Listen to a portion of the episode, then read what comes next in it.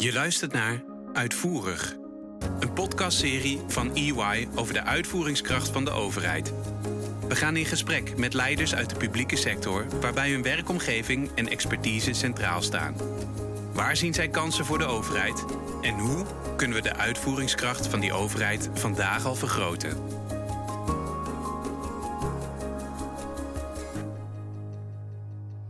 Welkom.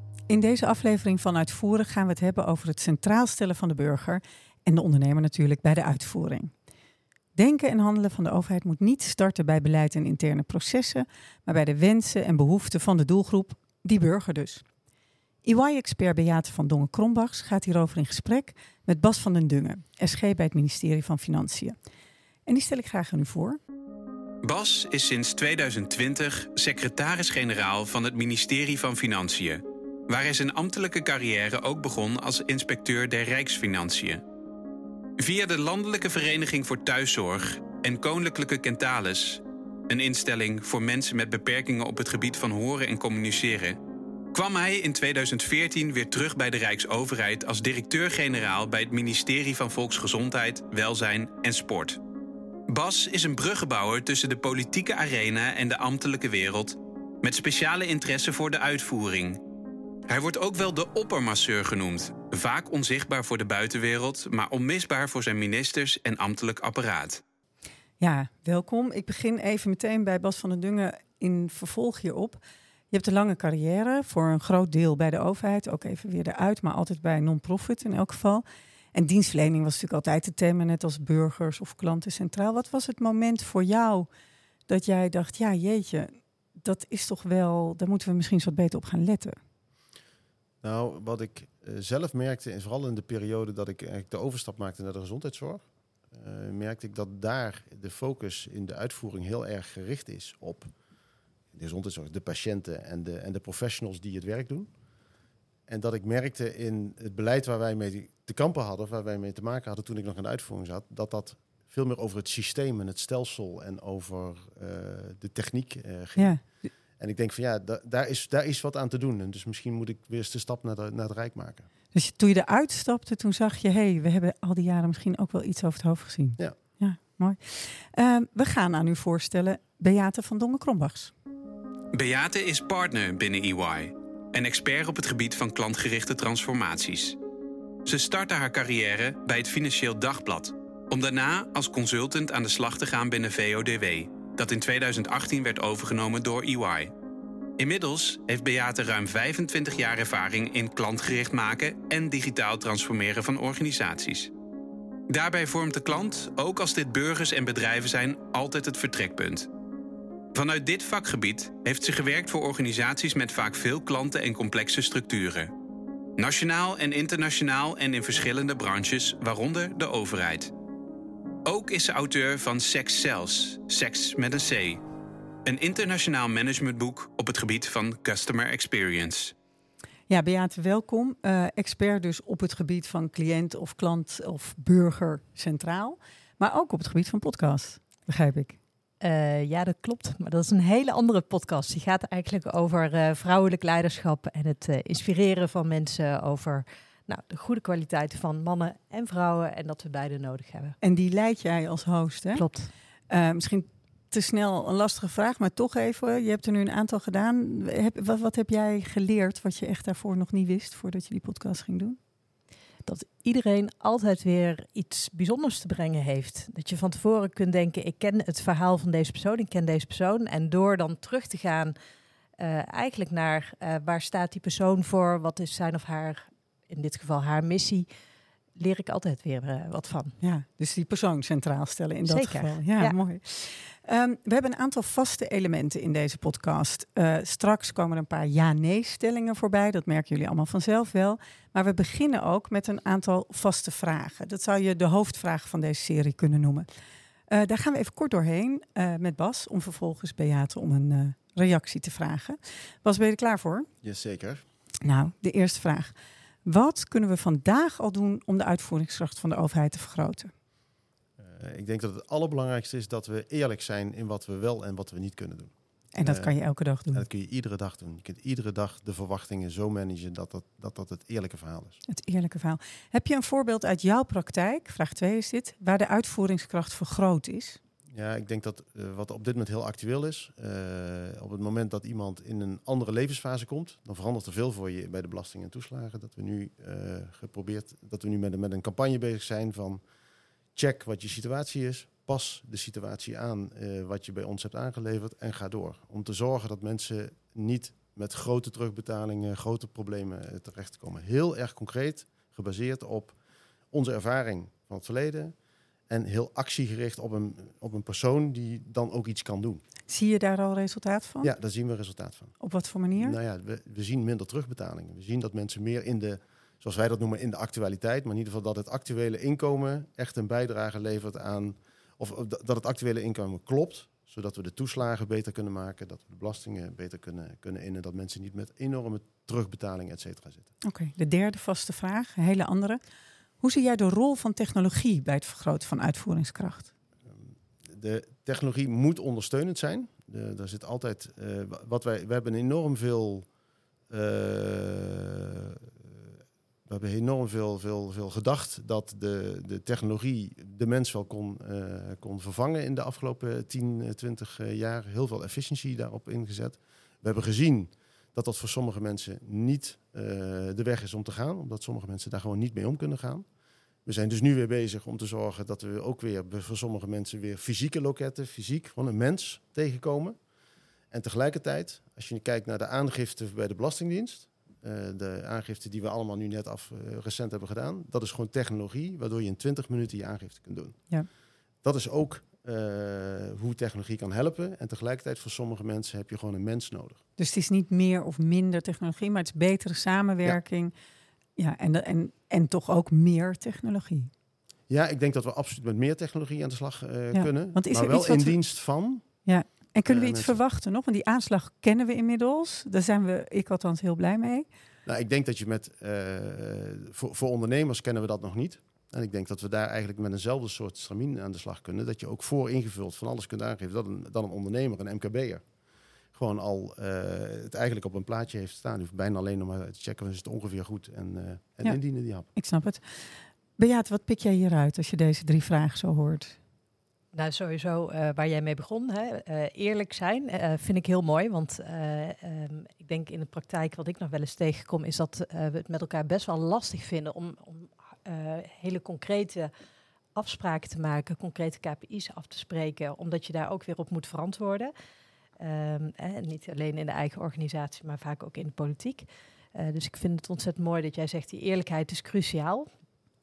Ehm, het transparante proces waar je mensen zelf ook echt een rol in geeft, spreekt mij zeer aan. En natuurlijk hebben we ook te maken met mensen waar dat lastiger voor zal zijn.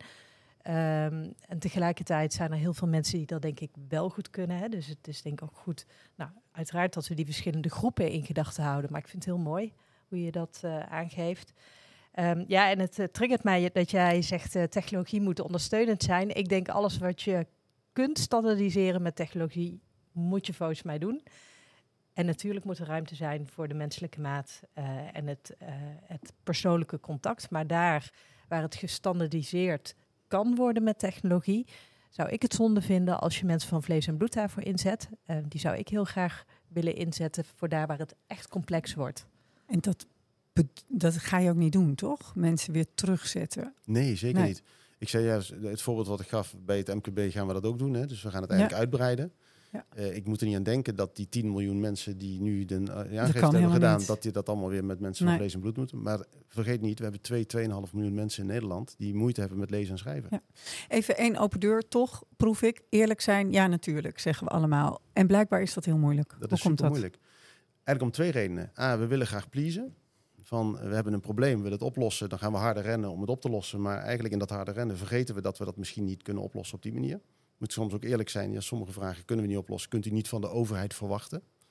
Versus de andere kant. De politieke wens om in een paar jaar een probleem helemaal op te lossen is gigantisch. En wij zijn wel een politieke organisatie. Of een organisatie die politiek geleid wordt. Dus dat is een, een druk die er altijd zal zijn. En daar proberen we toch zoveel mogelijk altijd aan tegemoet te komen.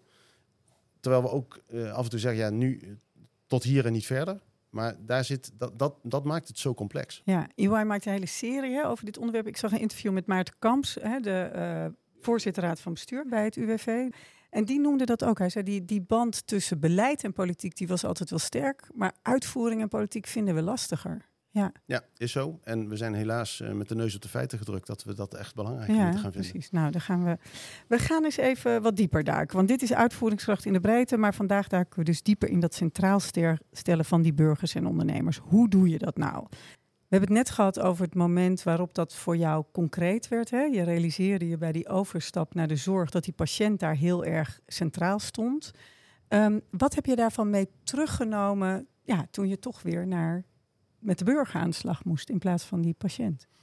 Um, allereerst het besef dat het zo is. En dat, uh, dat de hele tijd uitdragen in je eigen organisatie met de mensen waarmee ik praat, eh, waarmee ik praat de hele dag. Toen ik, vooral toen ik bij financiën terecht kwam, waarbij dat nog bij VWS is het nog een beetje duidelijk voor wie je bent. Hè? De patiënten, patiënt. cliënten en, en professionals. Bij financiën wordt het al een stuk ingewikkelder. De belastingbetaler. Uh, dat is, dan, wordt, dan wordt het al iedereen. En toch probeer ik iedere keer te zeggen, van, maar denk nou eens even na op jouw dossier. Als je het hebt over banken of als je het hebt over uh, stikstofcrisis, want daar moeten we het ook over uh, hebben. Um, wat voor mensen zitten daarachter? Voor wie doe je dat? Als je nadenkt over dat piekbelasters uitgekocht moeten worden, dan betekent dat iets voor een maatschappij. Daar mag je ook over nadenken. Uh, in plaats van dat je alleen maar aan het, aan het geld denkt. Dus ik. Um... En je bent je carrière begonnen bij de inspectie der Rijksbelasting. Ja. En daar dachten ze in die tijd toch vooral vrij, alleen aan het nou, geld. Nou, ja, ik, wij waren redelijk uh, monomaan gericht op het geld. Uh, en overigens, dat moet dus ook. Hè, er moet ook iemand de penningmeester zijn. Maar mm -hmm. hoort, de penningmeester moet ook nadenken over de gevolgen daarvan. Want dat moet diezelfde persoon zijn. Die penningmeester moet daar ook aan kunnen denken. Ja, of zeg je, die rollen moet je... Nee, ik vind, ik vind dat een, dat een ambtenaar uh, het brede spectrum moet aankunnen. Wetende dat hij een bepaalde rol heeft. Hè. Bij, bij, nogmaals, de penningmeester heeft een bepaalde rol. Maar dat betekent niet dat je blind moet zijn voor de gevolgen die daaruit voortkomen. Uh, Oké, het besef is dus al eerder gekomen. En dat, het, is natuurlijk bij heel veel mensen inmiddels echt wel ingedaald die bij die overheid uh, werken. Dan even naar zo'n ja-nee-stelling. Uh, dus graag een ja-nee-antwoord. Mag je later nog uh, toelichten? Ik wil het graag hebben over nu. Hè, dit moment. Op dit moment geldt dat bij uitvoeringsvraagstukken wordt onvoldoende het perspectief van burgers centraal gesteld. Ja of nee? Nee. Beate, wat zou jij zeggen? Ja, ik zou daar toch iets minder uh, positief over zijn, maar natuurlijk mag jij nog uh, nuanceren. Uh, wat ik in de praktijk tegenkom, is dat allereerst um, mensen in uitvoeringsorganisaties het lastig vinden om het over de klant te hebben. Ik krijg daar vaak een discussie over, dat mensen zeggen, joh, maar het is geen klant, mensen kiezen niet bewust voor um, om, om met een uitvoeringsorganisatie zaken te doen.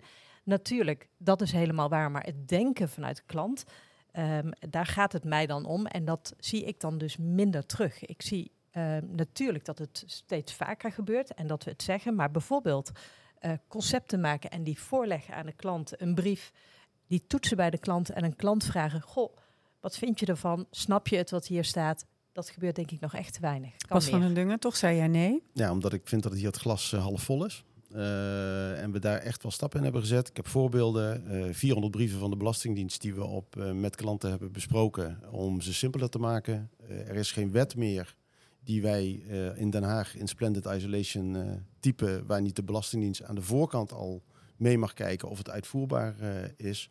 We betrekken steeds meer mensen mee in, in het nadenken over beleid. Wat is, goede, wat, wat, is, wat is goed beleid op ons terrein?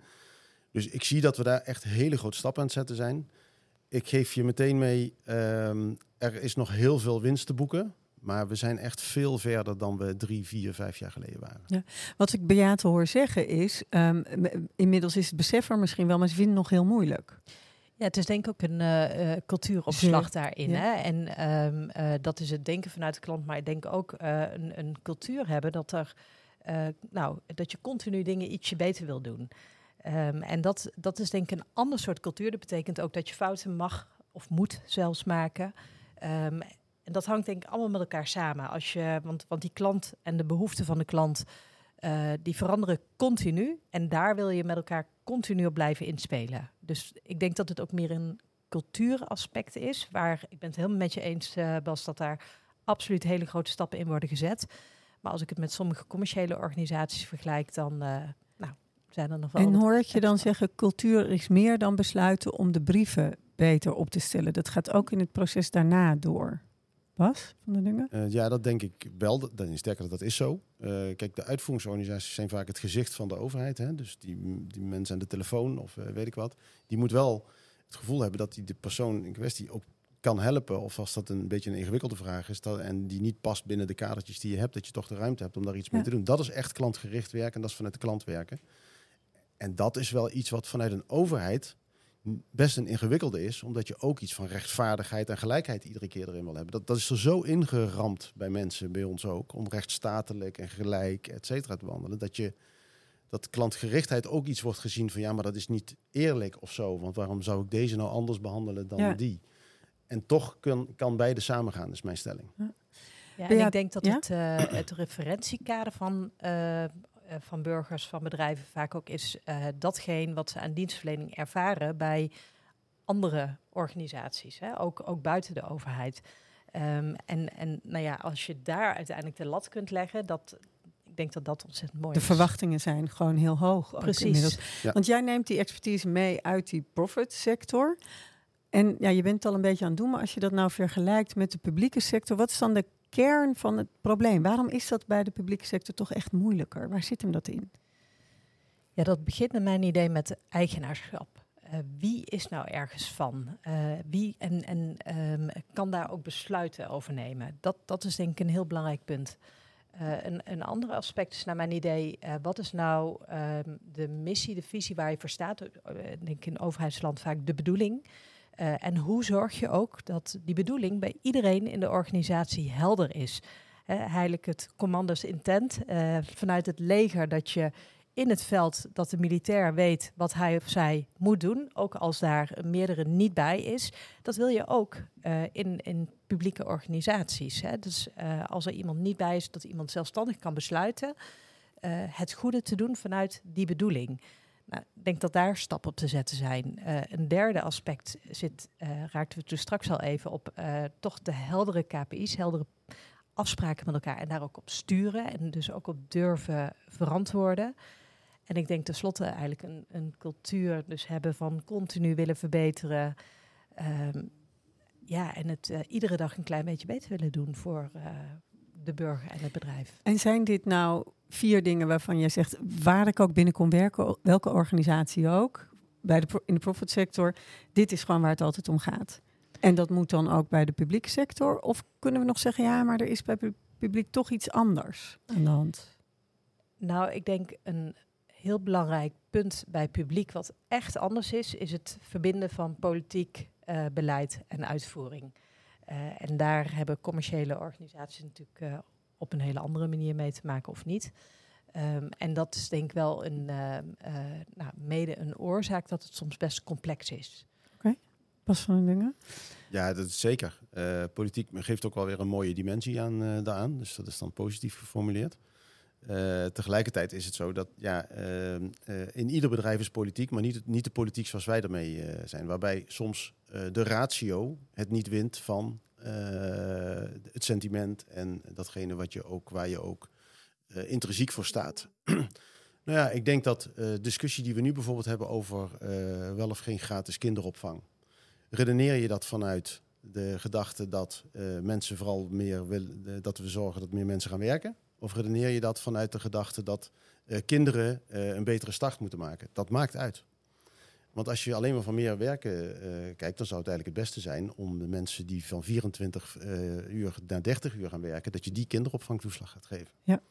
Terwijl daar zit de winst. Daar ja. zit de winst. Als je vanuit kinderen redeneert, zou je zeggen, ja, mensen met een laag inkomen in een achterstandssituatie, die zou je het beste moeten geven. Dus daar beide kun je een ratio aan brengen, maar heb je een politieke keuze nodig om dat voor elkaar uh, te krijgen. Ja. En dat, is dus, dat vind ik dus een mooi voorbeeld op dit moment, waar wij dus ja, waar, en waarvan je, je zegt, daar heeft de politiek die keus niet scherp genoeg gemaakt. Die zullen ze nu weer moeten gaan maken. En in het verleden hebben ze ja, want ze op een aantal dingen, ja, een aantal dingen hebben ze geen keuzes gemaakt ja. uh, in het verleden. Hebben we het hier dan over, ook als we het over eigenaarschap hebben? Of is dat niet wat jij bedoelt met eigenaarschap bij ja, Nou, eigenaarschap zit voor mij ook naar de doorvertaling in een uitvoeringsorganisatie. Hè? Dus stel dat je dit um, uh, beleid hebt geformuleerd, hoe je dit wil doen. Ja. Wie is daar dan van in, de, in een uitvoer, or- uitvoeringsorganisatie en wie gaat er dan ook echt voor staan? Ja. Ehm, en nou, wat ik in ieder geval tegenkom is dat, eh, ehm, dat vaak bij een hele hoop personen liggen met net allemaal een ander petje op. Ja. Ehm, Nou, en voel je je ook verantwoordelijk voor datgene wat niet op je eigen stoepje ligt. En dus dat je ook even da- net daarnaast durft te kijken. En ik denk dat wij veel mensen redelijk taakgericht hebben opgevoed. Eh, en je Je zou weer willen Niet mijn naar... taak. Het is niet mijn taak. Ja. Dat moet iemand anders doen. En Ja, hoe los je dat dan op? Want ga je dan met al die mensen uitleggen dat ze af en toe ook een ander taakje Ja, moeten doen? En ze ook de ruimte geven om dat te doen. En er ook voor staan als dat fout gaat. Ja. Want als je dan op een ander taakje doet en je doet het per ongeluk toch een keer niet goed. En je wordt meteen afgerekend. Dan ga je meteen weer terug naar je eigen taakje. Ja. Eh, En dat dus en dat is heel cultuur. Heel specifiek doorvoeren overal in En dat de is een heel lang proces. Ik gooi er weer een stelling in. Ja, nee. Begin bij Bas. Tijdelijke opgaven zijn efficiënter en doelgerichter georganiseerd dan structurele activiteiten. Ja. Beate? Ja, ik ben het daar helemaal mee eens. Kijk, wat wij eh, in, de, in de praktijk zien is dat je even meer wat je kunt noemen running the business hebt, hè, meer de ongoing activiteiten. Ehm, maar je hebt ook tijdelijke eh, opgaven ehm, en je hebt natuurlijk zelfs crisissen. Nou, als je die laatste twee op een hoop gooit, ehm, zijn dat opgaven met een duidelijke kop en een staart. Eh, En dat vinden we fijner, makkelijker? nou, ik denk eh, als je kijkt naar een aantal van die succesfactoren waar we het straks over hadden, met eh, duidelijk eigenaarschap, heldere KPI's, et cetera, dat die elementen vaak bij tijdelijke opgaven beter ingericht zijn. En dat we, naar mijn idee, ook zien dat die tijdelijke opgaven effectiever zijn. En is dat dan omdat het daar makkelijker is om dat goed in te richten? Of, of houden we, is het Nou, een spanningsboog kwestie? Of? Ja, wellicht is de urgentie dusdanig dat we zien dat dat ingericht moet worden. Ja, dan ga ik toch even. We zit, Bas van den Dungen zit ook ja te knikken. En ik kan me er heel erg iets bij voorstellen. Maar bij Groningen en toeslagen gaat dat Nee, nou dat net is dus even niet precies het goed. punt. Maar dat heeft te maken dat die tijdelijke opgave, de tijdelijkheid wel heel is erg inmiddels eh, structureel. uitgerukt is. Ja. En dat, daar, daar zit het hem op. Eh, want ik denk dat, eh, ook bij corona hebben we dat gezien, eh, dat in de eerste paar maanden, denk dat weinig mensen er kritiek op hadden wat er op dat moment gebeurde. Het was heel gefocust, het was heel duidelijk, het was heel snel.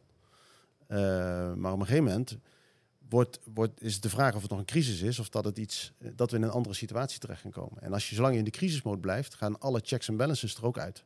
Dan gaat het snel, dan heb je geen paraven meer nodig, heb je geen bureaucratie meer, heb je al die dingen die wij, waar wij vol mee zitten bij de overheid, heb je allemaal niet. Maar hoe langer dat gaat duren, dan gaat het op een gegeven moment wel knellen. Dan ga je wel nadenken, ja, maar heb ik nou alles wel goed afgewogen? Want nu moest ik het even snel sturen in de mist. Maar inmiddels is de mist een beetje aan het optrekken. En is het wel goed dat ik nog een paar andere perspectieven Ja. erbij heb. En dat vind ik het kwetsbare van. eh, dus ik ben ja, ik vind dat dat zo is. Maar dan moeten we ook wel, wel echt die kop en die staart maken. Ja. En als we dat niet doen, en ik denk dat we daar nog niet goed in zijn. Wacht even, waar moeten we bij een crisis of bij een project moet je een kop in de Ah, bij structurele processen kan je Een geen kop en crisis, moet, staart een maken. crisis moet met een. Ja, maar goed, een crisis moet in een, in een korte tijd weer in een andere, andere fase terechtkomen. En het moet Eh, helder zijn in welke moet fase helder wanneer dat is en wanneer je dat ook eh, kunt doen. Wat we kunnen leren van crisissituaties en tijdelijke opdrachten, is dat je dus blijkbaar in staat bent om met een ander groepje of een kleiner groepje of met minder eh, mensen heel snel resultaat eh, te boeken. Nou, dat zouden we in de structurele eh, wereld ook eh, meer moeten inbedden. En dat zijn we dus ook aan het doen. Hoe? Waar? Voorbeeld. Nou, door bijvoorbeeld, we waren bijvoorbeeld bij de Belastingdienst altijd gewend om plannen te maken voor over vijf jaar. En dan heel stapsgewijs daar te komen. Inmiddels zeggen we, van, zullen we dat eens gewoon in, in kleine brokjes optrekken van drie maanden, zes maanden. Klusje, klusje af. Ja, sowieso leuk, want dan heb je ook eens een keer een resultaat. In plaats van dat over vijf jaar het resultaat net niet gehaald wordt. En kun je ook zorgen dat je met dedicated teams, met mensen die daarvoor gaan, zorg je wel dat alle, alle, alle, iedereen erbij zit die erbij moet eh, zitten. Maar gewoon in, in veel hapklaardere brokjes. En wat voor type brokjes? Heb je er een paraat of word ik nu te specifiek? Nou ja, je kunt zeggen van over eh, eh, vier jaar hebben wij de ICT op orde bij de Ja. Belastingdienst. Je kunt ook zeggen, nou laten we eens beginnen bij het, het aankopen van een nieuw BTW-systeem, wat we over drie maanden in ieder geval de aanbesteding klaar hebben. Wat we dus op die manier ernaar kijken. Beate, is dat the way to go? Ja, en ik denk eh, eh, een van de succesfactoren daarin is ook dat, eh, en dat doen jullie Fosma ook, maar dat je met multidisciplinaire teams aan de slag gaat. Waarbij je eigenlijk veel meer kijkt wat voor competenties heb ik nou nodig, ook om dit vraagstuk te kraken.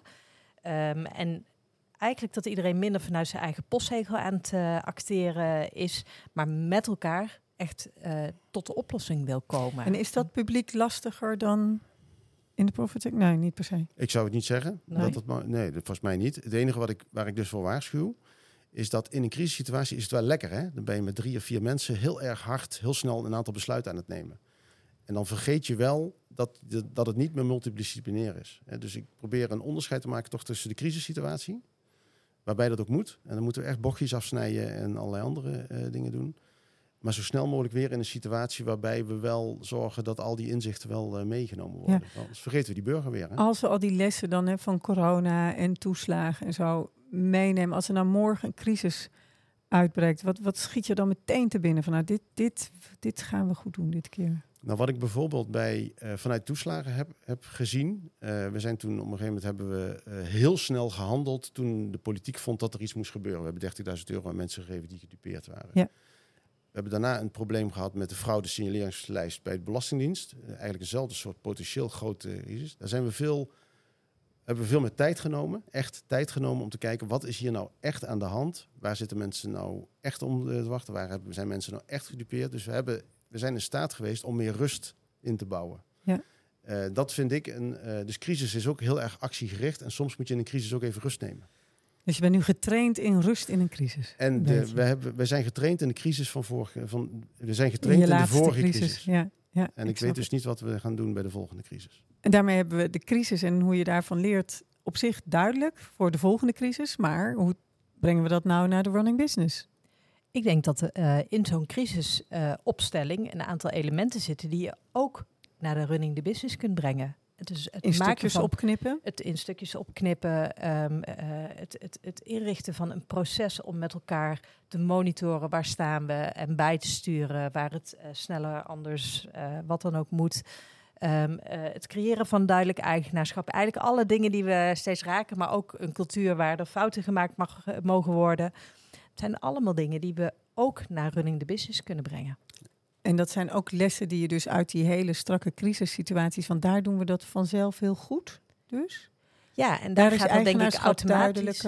Precies, daar Ja. gaat dat automatisch eh, een stuk beter. Ja. Eh, maar het zijn naar mijn idee geen elementen die je alleen maar in een crisissituatie kunt toepassen. Ik heb een nieuwe stelling voor jullie, de laatste. Ja, nee. Ik begin zo meteen weer bij Bas. Coalities tussen publieke en commerciële partijen zijn noodzakelijk om uitvoeringskracht te versterken. Ja of nee? Ja. Beate? Ik ben het daarmee eens. Ja. Ik denk dat je altijd op zoek moet gaan naar een combinatie van competenties. eh, en het zijn denk ik verschillende competenties eh, die je in commerciële organisaties en in de publieke sector hebt, die allebei cruciaal zijn. Maar door die bij elkaar te brengen, denk ik dat je wel het verschil kunt maken. Kijk naar Bas van Ja, de Deuren. nuances over mij zijn, het gaat niet alleen over commerciële organisaties, maar het gaat bij mij betreft ook over de samenleving. Dus eh, combinaties maken met, eh, met groepen in de samenleving om daarmee samen die vraagstukken op te pakken. Er is geen vraag meer die wij alleen als financiën kunnen oplossen. Heb je een voorbeeld van waar dat overduidelijk is? Waar we meteen denken, ja, dat kan niet zonder samen te werken. Nou, ik, ik zou zeggen, eh, het klimaat. Er is geen vraagstuk wat wij als overheid. Dit klimaat kunnen wij als overheid niet oplossen. Ja. Daar hebben wij voor nodig. De mensen, daar hebben huishoudens voor nodig, hebben bedrijven voor nodig. Daar hebben we slimme commerciële eh, bedrijven voor nodig die nadenken over allerlei innovaties om dat Ja. eh, te doen. Ik vind dat het bij uitstek het eh, thema waar, waar het niet meer alleen kan. En dat, zul dat zie je dus ook in alles wat we doen. Hè. Er is een, een, een waslijst aan dingen die allemaal nu tegelijkertijd gedaan moeten worden. Beate, heb jij nog een voorbeeld? Waaruit blijkt dat dat zo belangrijk is, die samenwerking? Ja, ik denk eh, eigenlijk in heel veel discussies zie je dat daar gewoon ergens een, een belangengroep of wat dan ook eh, ook een rol in krijgt. Eh, volgens mij bij de kindertoeslagenaffaire gebeurt dat nu ook. Ehm, ja, zo zijn er denk ik heel veel discussies. Ja, en, maar daar ontstaat ook wel meteen weer discussies. Hè? Ja, ehm, voorbeeld wat we natuurlijk ook hebben van zo'n publiek-private samenwerking was tijdens corona de mondkapjesdeal. En dat was niet per se een succes. Nou, over mondkapjesdeal is al heel veel gezegd en gesproken. Wat ik eigenlijk een veel beter voorbeeld vind om dat in dit kader te bespreken, is eigenlijk wat we gedaan hebben met testen voor toegang. Open Nederland, die, waarbij je eigenlijk als overheid ziet, ja, er moeten heel veel mensen getest worden. Dat kunnen we allemaal zelf niet doen. En dus er springt een commerciële partij in om dat samen met ons eh, te doen. En volgens mij is dat heel succesvol geweest. Eh, en dat is dus een vorm waarbij je dus eh, de, de kwaliteit van de een en de kwaliteit van de ander echt aan elkaar eh, knoopt. En waarbij je het samen dus beter doet. En het zal ook gewoon niet altijd helemaal goed gaan. Nee, en het gaat ook wel eens niet goed. En kwam dat initiatief destijds uit de overheid of uit de privaatsector? Nou, we hadden, we hadden toen eigenlijk vrij snel in de gaten dat, dat testen voor toegang wel belangrijk was. En, maar dat bij de overheid ook om een bepaalde dingen open te houden. En er werd al veel gesproken over hoe houden we de samenleving open. Eh, en die mensen spraken met elkaar en die kwamen tot dit idee. Eh, het was niet dat van tevoren al bedacht was dat het er zo uitziet. Maar doordat je beide een idee hebt, komt dat, eh, Ja, komt dat samen. En dat is natuurlijk ook bij uitstek weer iets waar je echt in contact met die burger ging. Dus ik kan me Ja. voorstellen dat je dacht, ik weet niet of dat in onze core met, de- business met is. de- nou, dat sowieso. En ja, wij zijn geen Nee. testclub. Ehm, ik ga afronden met jullie, graag, met jullie eh, samenwerking ook. Want wat, wat gaan jullie hier nou uit mee naar huis nemen? Jullie hebben een gesprek gehad met elkaar.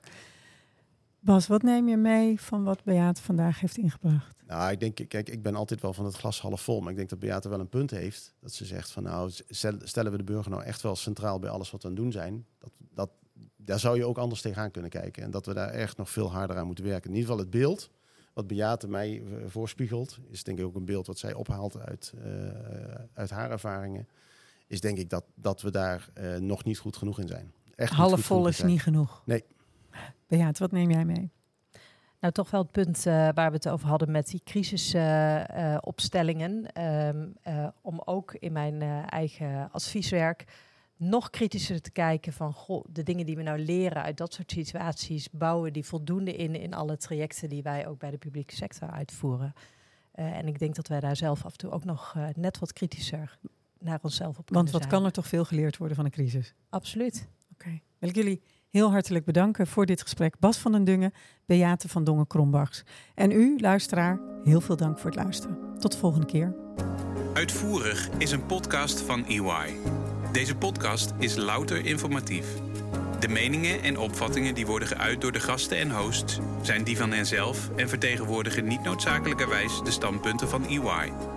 Aan de inhoud kunnen geen rechten worden ontleend.